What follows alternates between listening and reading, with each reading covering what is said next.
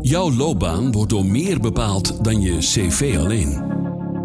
Zichtbaarheid en jezelf laten horen spelen ook een grote rol.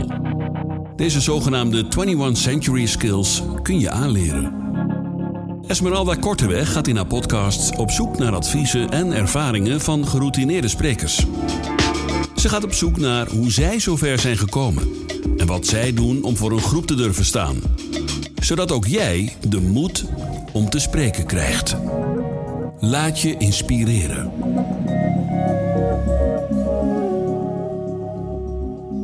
Nou, hallo Menno, welkom. Hartstikke leuk dat jij aan mijn podcast wil meewerken.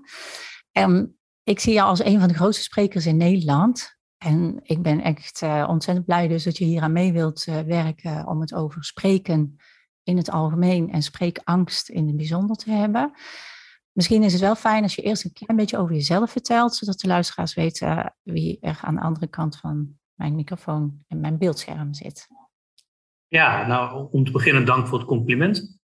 Ja, um, welgemeend, ja. ja. Nee, ik werk alweer zo'n zo'n 20 jaar als, uh, als spreker, dus op heel veel podia, uh, maar ik geef ook gastcolleges. En ik adviseer ook een, een aantal uh, grote bedrijven. Het gaat heel erg over innovatie, verandering, digitalisering en leiderschap. Ja. Ik heb voor, voor een heel groot trainingsbureau gewerkt. En daarvoor, maar dat is echt al lang geleden, een aantal internetbedrijven opgezet. Dus dat is wat ik doe. Ja, en je schrijft heel veel boeken, sowieso. Oh, ja, dat vergeet ik nog. Ja. ook nog, ja. Ja, ja. Nou heb ik met mijn zakenpartner uh, Patricia Witkamp, hebben wij de Dare to Be Academy. En wij geven uh, trainingen op het gebied van spreekangst. En dan niet alleen voor op grote podia te staan, maar echt om jezelf uit te durven spreken. Dus ook bij een werkoverleg, bij een, een weekly, een daily, uh, whatever dat spreekmoment eigenlijk inhoudt. Um, dus ja, jij bent een van de bekendste sprekers van Nederland, zoals ik net al zei. En als iemand durft te spreken, dan ben jij het dus eigenlijk wel. Nou was ik heel erg benieuwd of jij vroeger als kind al dol was op spreekbeurten. Was jij echt, ben jij met een microfoon in de wieg geboren? Of heb jij het ook moeten leren? Nou, ik heb het zeker moeten leren. Ik, ik denk dat dat, zeker als je het hebt over spreken, echt op, op, op wel grotere groepen, is dat, dat leer je vooral door het heel veel te doen. En dat maakt het dus ook lastig voor mensen, want als je het niet heel vaak doet, dan is het heel moeilijk om daar vlieguren in op te, op te bouwen. Ik vond spreekbeurten geven vroeger heel erg leuk, uh, maar vooral ook omdat ik dan een bepaald onderwerp helemaal kon uitzoeken. Ja. En, um, en eerlijk gezegd, ik, terwijl het mijn werk is, vind ik het ook regelmatig nog heel spannend om uh, te spreken. Dus dat is misschien ook een geruststelling voor mensen die het, die het ook moeilijk vinden. Ja. Ik denk dat het heel fijn is dat jij dat zegt. Want eh, voor onze deelnemers horen we echt heel vaak hè, het vergelijken met. En dan mogen ze hè, een droom delen van stel dat je geen spreekangst zou hebben, wat zou je dan willen? Uh, en dan krijg je, ah, kunnen spreken zoals die, of op een podium zonder zenuwen staan. En ja, dan denk ik, is dat wel haalbaar überhaupt? Want je hoort vaker van bekende Nederlanders of mensen die op een podium staan, dat zij vooraf ook zenuwen hebben. En... Ja, niet altijd en hoe vaak, nee. hoe, hoe, minder. Maar uh, ik vind bijvoorbeeld voor kleinere groepen spreken of in een, in, een, in een meeting spreken, vind ik vaak lastiger dan voor een zaal met, met duizend mensen die, die ja? allemaal stil. Ja, dat vind ik persoonlijk uh, feit oh. dat ze heel dicht bij je zitten en je aankijken. Uh, in, in, in, een, in een kleine ruimte vind ik anders dan dat er duizend mensen naar me kijken. Uh, ja podium staan. Dat is bijzonder, hè? want wij horen heel vaak ook weer van uh, het tellen, het aantal tellen. Van nou, -hmm. bij 10 durf ik het er nog wel. Bij 15 of 20 vind ik het wel eng. 40 mm -hmm. is not dan, 100 doe ik niet. Maar bij jou werkt het eigenlijk anders. Jij vindt dus een hele grote theaterzaal makkelijker eigenlijk dan dat je in een, een groepje van 20 mensen uh, iets zou moeten presenteren. Ja, maar dat, dat zal voor iedereen wellicht anders, ja. anders zijn. Maar uh, als het, als het veel dichterbij komt, vind ik dat. Uh, en ik vind mij overigens überhaupt niet een, een, van nature niet een heel extravert uh, persoon. Dus ik, ik zal op een, op, een, op een verjaardag waar redelijk veel mensen zijn, uh, voer ik zelden de boventoon. Dus ik, mensen denken dan wel eens, omdat je op podia staat en heel veel ja. praat, dat je dan wel enorm naar buiten treed. Maar dat ben ik van nature. Ik wil ook niet zeggen dat ik introvert ben, maar ik zit er een beetje, zit er een beetje tussenin. Dus ik, ik, ik herken zelf wel dat ik in kleinere sessies me er ook nou, toe moet dwingen, is een groot woord, maar dat ook af en toe moet aanzetten om, ehm, ja, om, om bepaalde dingen te zeggen. Ja. En, en wanneer ben je toen de overstap wel gaan maken naar grote zalen? Is dat gewoon heel organisch gegaan, steeds meer en steeds groter? Of heb je echt nog een moment dat je denkt van, wauw, toen stond ik voor op het podium met die microfoon en toen dacht ik, dit zijn er wel heel veel. Kun je dat zo zeggen? Nee, ik ben daar wel ingegroeid. Ik heb natuurlijk, wat ik, wat ik net in de introductie zei, bijna tien jaar voor een groot trainingsbureau eh, gewerkt. Ja, dan ben je natuurlijk ook al met groepen bezig. Hè? Dan ben je al, al introducties aan het geven of samenvattingen of zo. zo. Ja, je bent aan het werk met groepen. Dat vond ik wel heel leuk. Dus toen dacht ik wel, daar wil ik. Toen wist u nog niet dat ik dat ook hele grote zalen wou gaan doen. Toen ben ik dat wel, excuses, ben ik dat wel gaan uitbreiden. En wat mij heel erg geholpen heeft, ik heb ook heel lang gastcolleges gegeven op, uh, op, uh, op een hogeschool. Ja. Uh, en dat, dat was leuk om kennis over te dragen, maar het heeft mij enorm geholpen in het, in het leren spreken in het openbaar. En wel in een hele veilige omgeving. Ja. Er zijn dan studenten aan het voortgezet onderwijs. Maar daardoor heb ik heel veel vlieguren kunnen maken. En ook heb ik ook allerlei dingetjes kunnen uitproberen. Nou ja, en toen die boeken een succes werden, toen ging ik naar een steeds groter podium. Ja, dat is de eerste keer eng en de vijfde keer ook en de tiende keer ook. Maar op een gegeven moment leer je dat en je hebt ook al wat trucjes die je kunt toepassen. Ja, en als je het dan voor de vijfhonderdste keer doet, dan gaat het logischerwijs makkelijker. Ja, nou ben ik heel benieuwd naar die trucjes. Want daar kunnen wij weer oh, van leren. Ja. ja. Nou, wat mij, maar dat, dat is natuurlijk ook deels individueel. Hè, want elke spreker zal zijn eigen trucjes hebben. En als hij of zij zegt dat hij die niet heeft, dan liegt hij of zij. ja. Denk ik. Nou, wat, wat mij bijvoorbeeld heel erg helpt, zeker in het begin, als dan, dan voel je spanning in je lijf. Ik denk dat bijna elke spreker mm dat voelt als je op een podium staat of je moet een eh, collega toespreken die afscheid neemt. Of uh, het kan ook kleiner zijn. En wat mij altijd geholpen heeft, om die, je wil dus eigenlijk die spanning uit je lijf kwijt. Want als die spanning erin blijft zitten, dan, dan zie je dat aan het lijf. En of je hoort het in de stem. Dus ja. Vaak zijn mensen die zenuwachtig zijn, zitten hoog, hoog. in de ademhaling. En wat ik altijd deed en heel af en toe nog wel doe, is dan vlak voordat ik iets moet gaan zeggen, een paar keer op mijn tenen gaan staan. Ja, want? Nou ja, ik weet niet hoe het werkt, maar ik heb wel gehoord dat meerdere sprekers het doen ja, dan, dan rek je dus even helemaal je lichaam op. Je doet dat een paar keer en dan is het eruit. Een wat andere vorm die ik nog wel eens deed, maar dat is wel handig om, om, om dat op het toilet te doen, of in ieder geval ergens waar, waar iemand anders het niet hoort, is, is een paar keer heel hard zuchten. Dus echt heel overdreven zuchten. Ja. Op een manier om die, die spanning uit je lijf te halen. Dat is bijvoorbeeld een van de zaken die mij heel erg, uh, nog steeds heel erg helpen. Op het moment dat je minder spanning in je lichaam voelt, kun je ook veel natuurlijker praten. Ja, ja. En wij horen ook uh, van deelnemers dat de eerste twee, drie minuten of vijf, die zijn killing. Als je daar eenmaal doorheen bent, weet je, ja. dan loopt het wel. Heb jij daar ook nog uh, adviezen in om die te overleven? Uh, maak je dan interactie met de zaal of gooi je er een grapje in of studeer je de eerste minuten heel erg in? Hoe ga je daarmee om? Nou, wat, wat, wat altijd goed werkt, is, is benoemen wat er is. Dus als je heel erg zenuwachtig bent, ja. dan zien, zien mensen dat waarschijnlijk ook wel. Dus dan, dan kan het geen kwaad om daar ook mee te beginnen. Yo, ik vind dit heel spannend. Want dan denkt de 80% van de zaal, denkt, ja, ik zou het ook spannend vinden. Ja, ja. Uh, die denken allemaal, ja, jij liever dan ik daar staan. Ja, Dus, en dat moet je ook weer niet overdrijven. Hè? Dus daar niet, denk ik. Of, ja, of ik heb ook wel eens gehad dat er iets, iets thuis, dat een, dat een van mijn dochters ziek is, of er is iets met, uh, met een opa of een oma. Dat ook benoemen. Van, oh, ik ben er even niet bij, weet je wel. Dus het, uh, of als het heel warm is in een zaal. Dat je zegt, jongens, we, we hebben het hier allemaal wel. Uh, hè, zijn even vergeten te investeren in de airco. Dus alles wat je zelf dwars zit, of waar je van denkt dat het een rol speelt, is verstandig om te vertellen. En bijvoorbeeld in kleinere sessies, uh, als het een vergadering is of een, een bijeenkomst. Wat ook helpt, is, is zo snel mogelijk wat zeggen. Ja.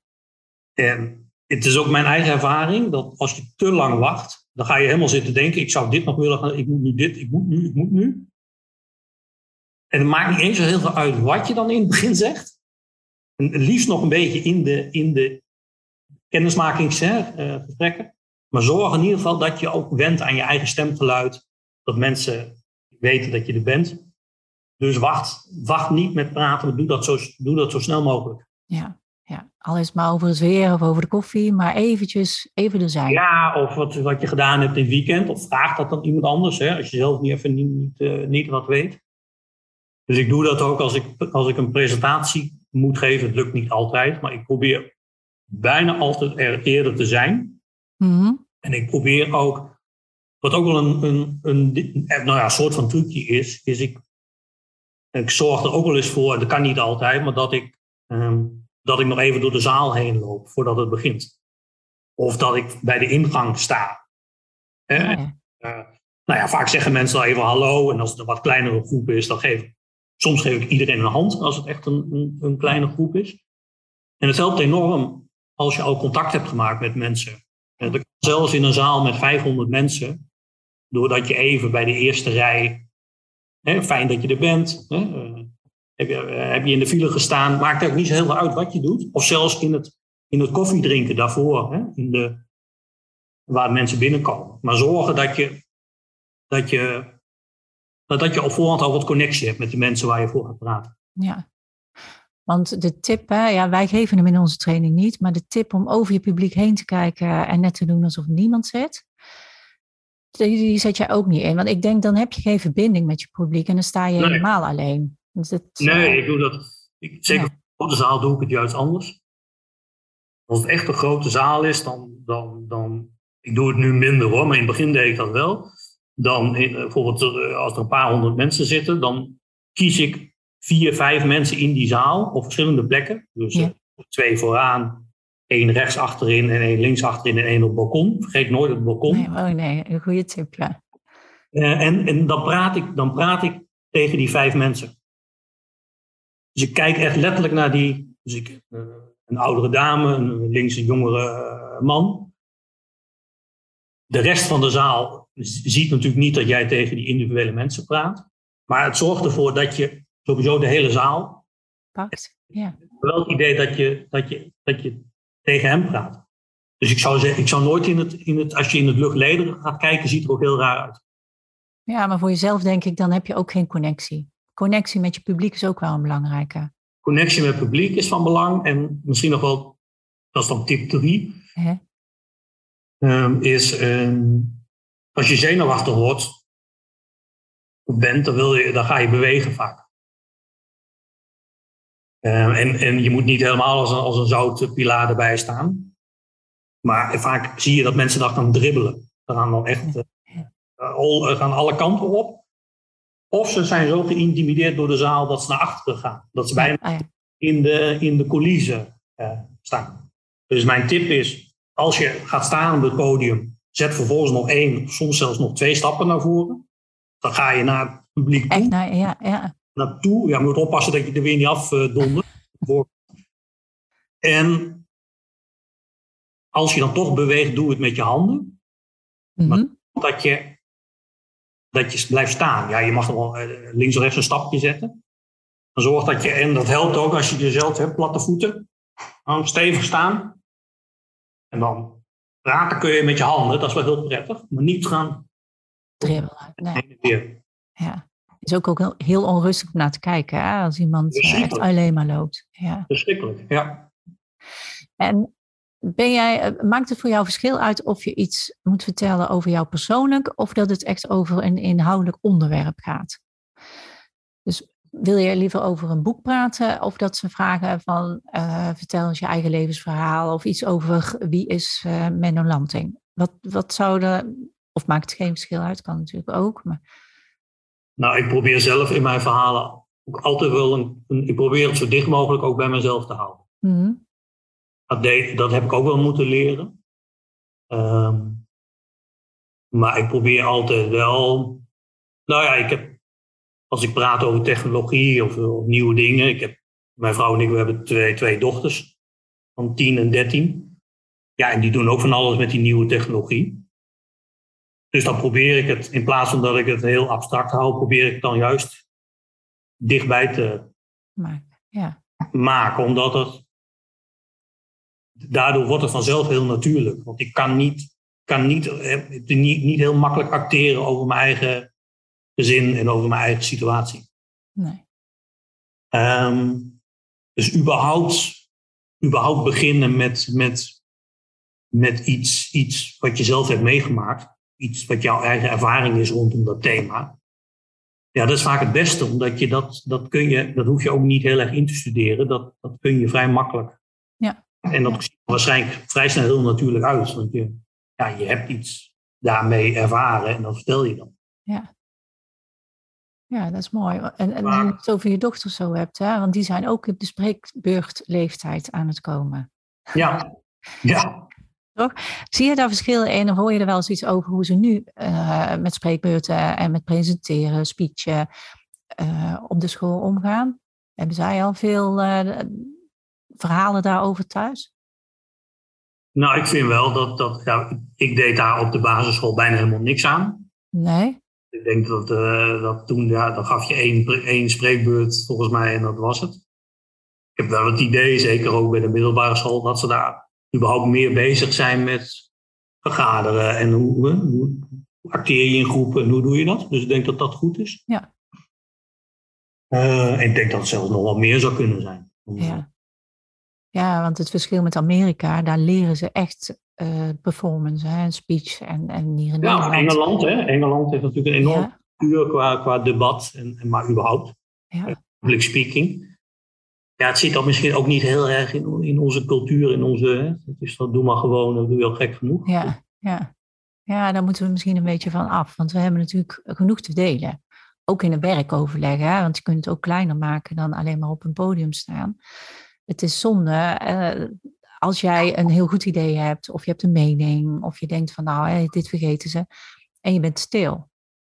Ja, Want dan wordt jouw input niet meegenomen. En dat, dat zouden we ook wel meer mogen oefenen met elkaar. ja, en ik denk ook wel dat, je, dat het. En, en- ik ben het helemaal met je eens. En tegelijkertijd is het denk ik ook wel heel goed om te kijken. Je kunt natuurlijk op verschillende manieren bijdragen. Dus je kunt, je kunt zelf een, een idee of mening inbrengen. Maar goed, dan moet je, een- moet je en een idee hebben. Ja. Je moet een mening hebben. Ja. Nou, dat heb je ook niet altijd. Hè? Dus, eh, ehm, maar er zit ook net zoveel waarde in, in een hele goede vraag stellen. Bijvoorbeeld. Ja. Een vraag eh, die, die iedereen wel in het hoofd heeft, maar niemand stelt. Of maar ook heel veel, en dat vergeten we, dat ook een hele krachtige manier is, als je zelf niet onmiddellijk als allereerste wilt praten, is om op een gegeven moment, als zo'n meeting een tijdje aan de gang is, om het, het voorgaande heel kort samen te vatten. Dus een, dat, dan hoef je zelf niet eens een idee te hebben, maar dat geeft dus aan, dan zeg je, nou, oh, ik heb nu eens eh, een, eh, 20 minuten geluisterd. Ehm, volgens mij zijn dit de zaken die aan de orde zijn gekomen. En dit zijn volgens mij de drie uitdagingen waar we nu iets over moeten beslissen. Mooi, ja. Ja, En dat is, dat is vaak voor introverten is dat makkelijker. Ja. En vaak veel krachtiger. Ehm, want soms is zo'n is zo'n meeting ook een beetje een bokswedstrijd tussen wie dan net nog een betere mening of idee heeft. Hè? Dan wordt het een beetje Ja, een soort haantjes gebeuren. Dus die laatste vind ik zelf, is ook mijn favoriete eh, aanpak. Ja, aanpak. En ik denk dat die, eh, dat die wel erg onderbelicht eh, is. nou, ik neem hem mee. Als wij Ja. weer, ja, ik vind het een goede, want het- moment pakken, hè? want wat jij zegt, iedereen met meningen, er zit vaak zeggen ze dan haantjes aan tafel en iedereen praat, praat, praat. En wanneer kun je inbreken? En als je eigenlijk aanbiedt om een, een samenvatting te geven, hè? dus je begint Mhm. daarmee, dan ben je ook zichtbaar geweest en heb je ook een bijdrage ge- geleverd aan het werkoverleg van een meeting. Ja, Nou, en wat ook zeker in, in een meeting is, um, non-verbaal is ook heel erg van belang. Dus je, je, je, je kunt ook al door non-verbaal al aangeven dat je, dat je wat gaat zeggen. dus dus, dus uh, en, naar voren uh, ja. actieve houding gaan, uh, gaan innemen. dus een nog overtreffende trap daarvan is, is gaan staan. Dat is wel een spannende. Ja, dat lijkt mij ook, ja. En je hand dus opsteken kan ook nog, hè? Zo naar de voorzitter. Zo ja, ja, dat, dat, Maar dat, vind ik, dat is wel weer, dat is wel weer, ja, dat is ook alweer een redelijk onderdanige. Ja, ja, ja. Maar als je, bijvoorbeeld als je in een ruimte zit uh, met een, uh, waar een flip over staat, kan het hele krachtige zijn door op te staan en bij die flip over die genoemde samenvatting te. Ja, zo, dat zou wel een hele spannende zijn. Ja, dat zeg ik ook. Dat is ook de overtreffende trap. Ja, dat is voor, eh, een mooie vervolgstap als je de eerste keer al... ja, hè? Je moet jezelf wel uitblijven dagen, hè? Gewoon elke keer. Ja, ja. En, uh, want jouw boeken die gaan vooral over disruptie en leiderschap. En dat is mhm. eigenlijk een beetje de toekomst in kijken hoe uh, organisaties uh, zouden moeten kunnen ontwikkelen. En dan ja. vooral als ik het zo goed heb begrepen op een digitale vorm. Ja. Zie jij eh, spreken, meedoen, jezelf uitspreken, uh, die zichtbaarheid, zie je dat ook als een skill voor de toekomst?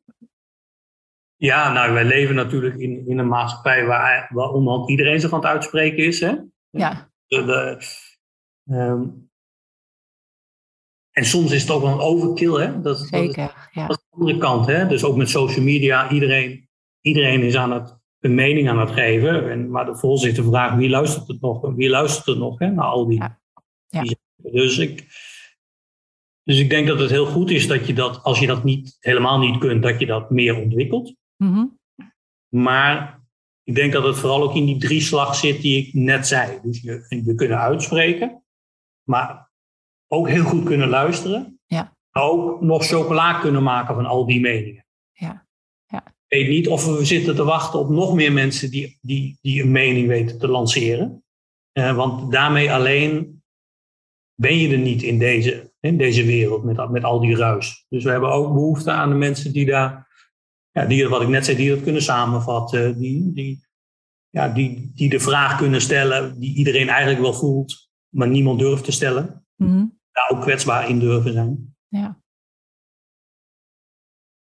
En ik denk dat, als je, dat het ook wel eens handig kan zijn om juist dan ook met die zaken te beginnen.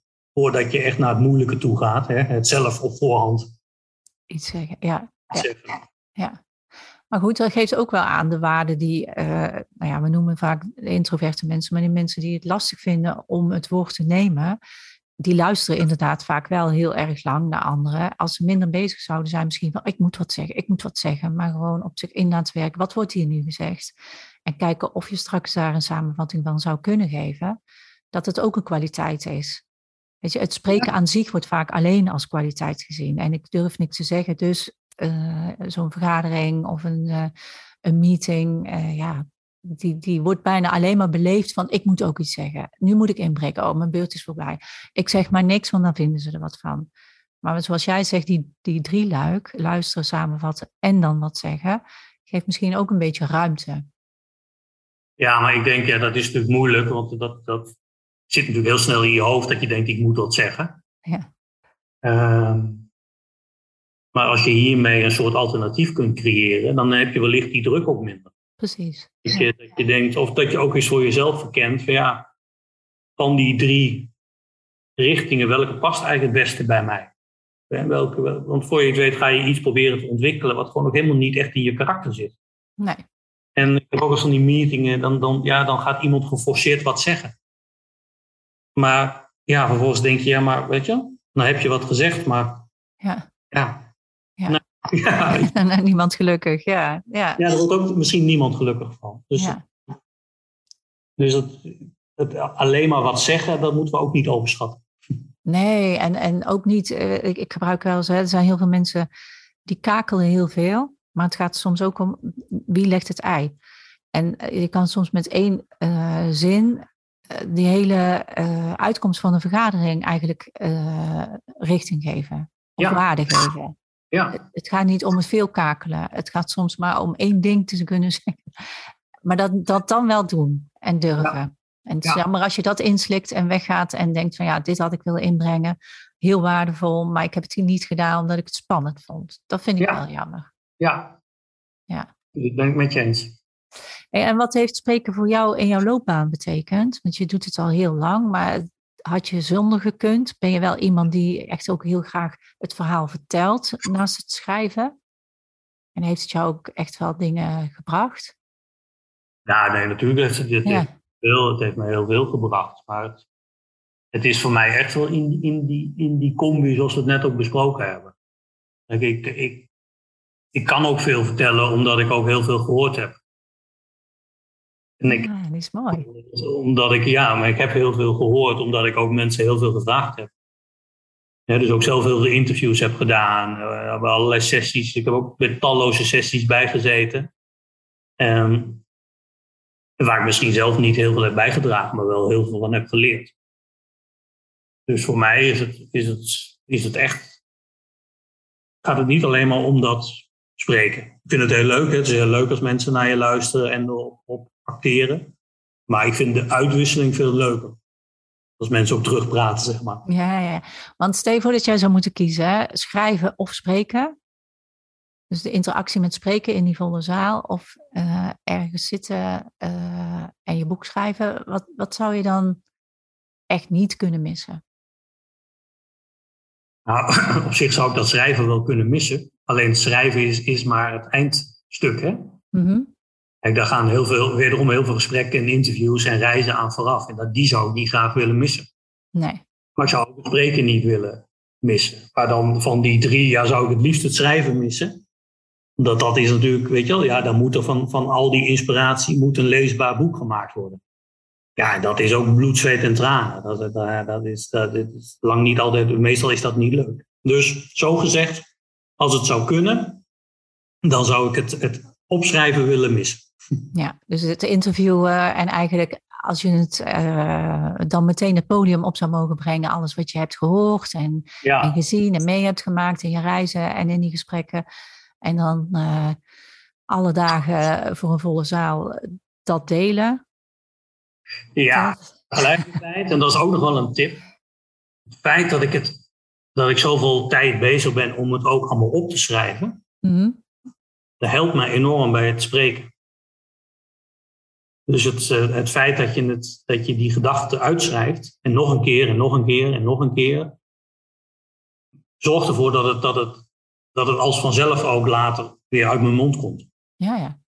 Dus het, wij denken vaak dat je bij, bij spreken, dat je wat je gaat spreken helemaal moet oefenen. Ja. Soms is dat ook wel handig, maar lang niet altijd. Hè, dat mensen hun hele, hun hele presentatie thuis ja. woord gaan oefenen ziet er, ziet er vaak niet echt natuurlijk uit als je het dan gaat doen. En nadeel is ook als je dan een stukje toch kwijt bent, dan ben je direct alles kwijt. Hè? Ja, en dan raak je in paniek van ik ben iets. Raak je in paniek. Ja. Maar ja, wat veel beter werkt, is dat, dat je het helemaal jezelf eigen hebt gemaakt door het, door het heel vaak op te schrijven. Dus zo leert bijvoorbeeld mijn oudste dochter ook. Die, uh, die, die leert het beste door voortdurend haar eigen aantekeningen te maken vervolgens die aantekening met ons te bespreken en weer terug te lezen. Ja. Dus ik zou wel redelijk gehandicapt zijn. Ik zou het heel fijn vinden, omdat ik het heel frustrerend vind, dat opschrijven. Het doet mij altijd denken aan het schrijven van mijn scriptie vroeger. Op, ja. Maar het is, het, is wel, het is wel heel erg waardevol om het, uh, om het te doen. Ja, dus eigenlijk zeg je, als iemand een presentatie zou moeten geven, hè, meestal schrijven we het dan één keer uit en dan pakken we dat velletje papier erbij en dan gaan we dat hardop oefenen. Dat het mhm. bijna beter zou zijn om tien keer gewoon uit de losse pols te schrijven wat je wil zeggen en daar het verhaal van te maken. Want dat schrijven aan zich komt dan ook al eigenlijk je verhaal in je hoofd. Dat het, het is een andere manier eigenlijk van voorbereiden dan één keer opschrijven en dat tien keer gaan oefenen. Jij zegt eigenlijk tien keer opschrijven en dat, daarmee maak je je verhaal rond een eigen en, en ben je het ook al aan het oefenen. Ja, ik denk dat er vaak meer winst te behalen valt in wat je vertelt. Mhm. Kijk, op het moment dat je heel vaak zijn verhalen, zijn in ieder geval presentaties die mensen geven, die, die staan redelijk ver weg bij wie ze zelf zijn en wat ze doen. Het, is dan een Ja. verhaal over, nou ja, whatever onderwerp. En soms is dat onvermijdelijk, maar ik denk dat je die verhalen vaak veel beter kunt maken door het dichterbij te maken, door de persoonlijke voorbeelden bij te zoeken, of in ieder geval voorbeelden die men in de zaal her- herkent. Door, we denken vaak dat het, dat je voor een publiek praat, dat het, dat het groot en meeslepend moet zijn. Maar dat is heel moeilijk. We zijn allemaal geen Obama, dus dat ga je ook niet redden. Dus door het juist kleiner te maken, is het veel, A, veel herkenbaarder en is het voor jezelf veel makkelijker om te onthouden. Dus ik, ik geef geen training hoor, maar die enkele keer dat ik iemand eens help, dan zeg ik ook, ja, dit hele stuk wat je hier hebt, leg het mij nu gewoon eens uit zoals je het mij zou vertellen als we in de kroeg staan. Dan komt daar bijna altijd een ander, ander stuk uit, Ja. wat ook veel beter is. Ik zeg maar, wat dan? Ja. ja, kan ik dat wel doen? Ik zeg, ja, eh, eh, Ja. waarom niet? Dat is wat je wil vertellen. Eh, doe dan die hele toestand met al die termen en doe die weg. En die plaatjes en dingetjes en grafieken. Vertel gewoon, ja, nou, of nog steeds. Eh, leg het uit aan je, aan je oma van eh 90. Nou, hij vertelt het ook zo aan die zaal. Ja, ik vind, ik vind dit, als we het samenvatten, zo even ook een hele goede tip. We hebben er een paar meer gehoord, maar dit geeft ook wel wat meer rust. Want dan vertel je het vanuit je hart, vanuit je buik en gewoon vanuit jezelf. En niet ingestudeerd, eh, waardoor het ook voor het publiek veel afstandelijker klinkt. Nou ja, soms, ik heb ook wel eens dingen, en die moet je gewoon echt instuderen. Bijvoorbeeld, eh, voor, ik, bijvoorbeeld Engels, ik spreek prima Engels, maar ik ben geen native speaker. Dus bijvoorbeeld als ik een Engels presentatie moet geven, dan bereid ik die veel meer, Oh ja, nou niet tot in detail, maar bereid ik die veel meer voor. Als ik exact binnen 10 minuten mijn verhaal moet doen, bereid ik dat veel meer voor dan dat ik weet dat ik drie kwartier heb. Dan, dan, weet je, dan, dan kan ik daar een beetje, hè, kan ik daar een beetje doorheen meanderen. En wat er misschien nog wel, nog wel een tip is, is dat mij altijd opvalt als mensen zeggen, als mensen een presentatie geven, is dat het belangrijkste wat ze willen vertellen, komt altijd aan het einde. Hè, komt er een soort aanloop. Ja. Hè, dat, dat, dat, en dan. En dan eh, vaak hebben ze dan geen tijd meer, want dan, dan, dan is de tijd om. En dan moet eigenlijk nog, het belangrijkste moet nog komen. Dus ik zeg altijd van, begin, begin met wat je eigenlijk wil vertellen. En, eh, ja, maar dan heb ik dus niks meer te vertellen. Ik zeg, nou, dat is überhaupt fijn, want dan wordt het waarschijnlijk lekker kort en krachtig. kort en krachtig. En, en ja, begin eigenlijk in, nou ja, in, in idealiter met je eerste slide of in je eerste stukje met, met je kernboodschap. En ga dan toelichten waarom en hoe en hoe dat zo is gekomen. Maar plak dat niet helemaal pas aan het eind. In de wetenschap dat eh, als je maar iets uit je tijd loopt, dat dat je, Niet meer terug, ja, ja. dan moet je nog, nog in, in de laatste minuten moet je nog. Ja, ja en, en ook weer een goede tip. Je geeft alleen maar goede tips, eh, Menno, dankjewel. Heb je nog, jawel, heb je nog een laatste waarvan je denkt van, nou die heb ik nog niet kunnen zeggen, maar die is wel heel belangrijk. Of dat je vooraf zoiets had van, oh, daar moeten we nog wel, eh moeten we het ook over hebben. Nou, wil ik dan over grote prestaties hebben of over. eh, over- Ook groot of klein, maar gewoon dat je, dat, dat je er durft te staan, zeg maar. Ik denk dat, eh, dat eh, ja, daar valt ook een heel, heel betoog te houden natuurlijk over het, over het gebruik van, van slides en PowerPoint en zo. Hè. Daar, daar, daar kun je ook al een, een, dat doen jullie misschien ook wel, daar kun je ook al een, een hele, wat zeg ik, daar kun je wel talloze lessen aan wijden. Ja, je verhaal kan nog zo goed zijn, maar als jij een, een, een, een, PowerPoint hebt van, eh, met, met helemaal volgeschreven en, en, en 200 slides waar je door in de war raakt, dan werkt Nee. dus ik denk dat je daar hetzelfde moet doen. Is de, ja, die moeten echt wat toevoegen en anders gaan ze eruit. Dus zeg je wel, niet, niet de hele historie van het bedrijf gaan vertellen. Het, het interesseert helemaal niemand. En dat kan ik ook wel opzoeken als ik dat wil weten. Ja. Dat er allemaal uit. Dus als er al iets op staat, is het een, een aantrekkelijk beeld met een paar woorden. That's it. Ja, en daar je verhalen mee uh, vertellen. Ja. Nou, dus ook van nou, wat, wat niet zozeer. Dat als je al een beeld gebruikt, dan moet het ondersteunend zijn en moet het idealiter iets oproepen, een emotie, een herkenning. That's it. Het is niet, het is niet een vervanging voor, voor hè, iets dat jij gaat vertellen. En dan hoef je ook niet, dat, hoef je ook niet voortdurend te gaan kijken wat er staat en, en of het nog goed loopt. En er zijn zoveel mensen en, en werkt die klikken wel of niet. Zorg dat je, zeker als je het spannend vindt, zorg dat er niet nog meer complexiteit bij komt. Ja, zorgen voor eenvoud en overzichtelijk houden. Ja, misschien is dat helemaal ja. samenvat. Zorg voor eenvoud in je verhaal. Ja. Dit is wat ik wil vertellen. Dit is mijn eigen ervaring ermee. Dat kan. Of dit is misschien jullie ervaring. Ja, en, en haal alles wat, wat je afleidt, haal dat eruit alsjeblieft. Mooie afsluiter. Dankjewel. Alsjeblieft. Ja, leuk. Dankjewel. Dit was de Gelukkige Loopbaan podcast. Vond je dit interessant en wil je de volgende podcast zeker niet missen? Ga dan naar de gelukkigeloopbaan.nl en laat je mailadres even achter. Bedankt voor het luisteren en heel graag tot de volgende keer.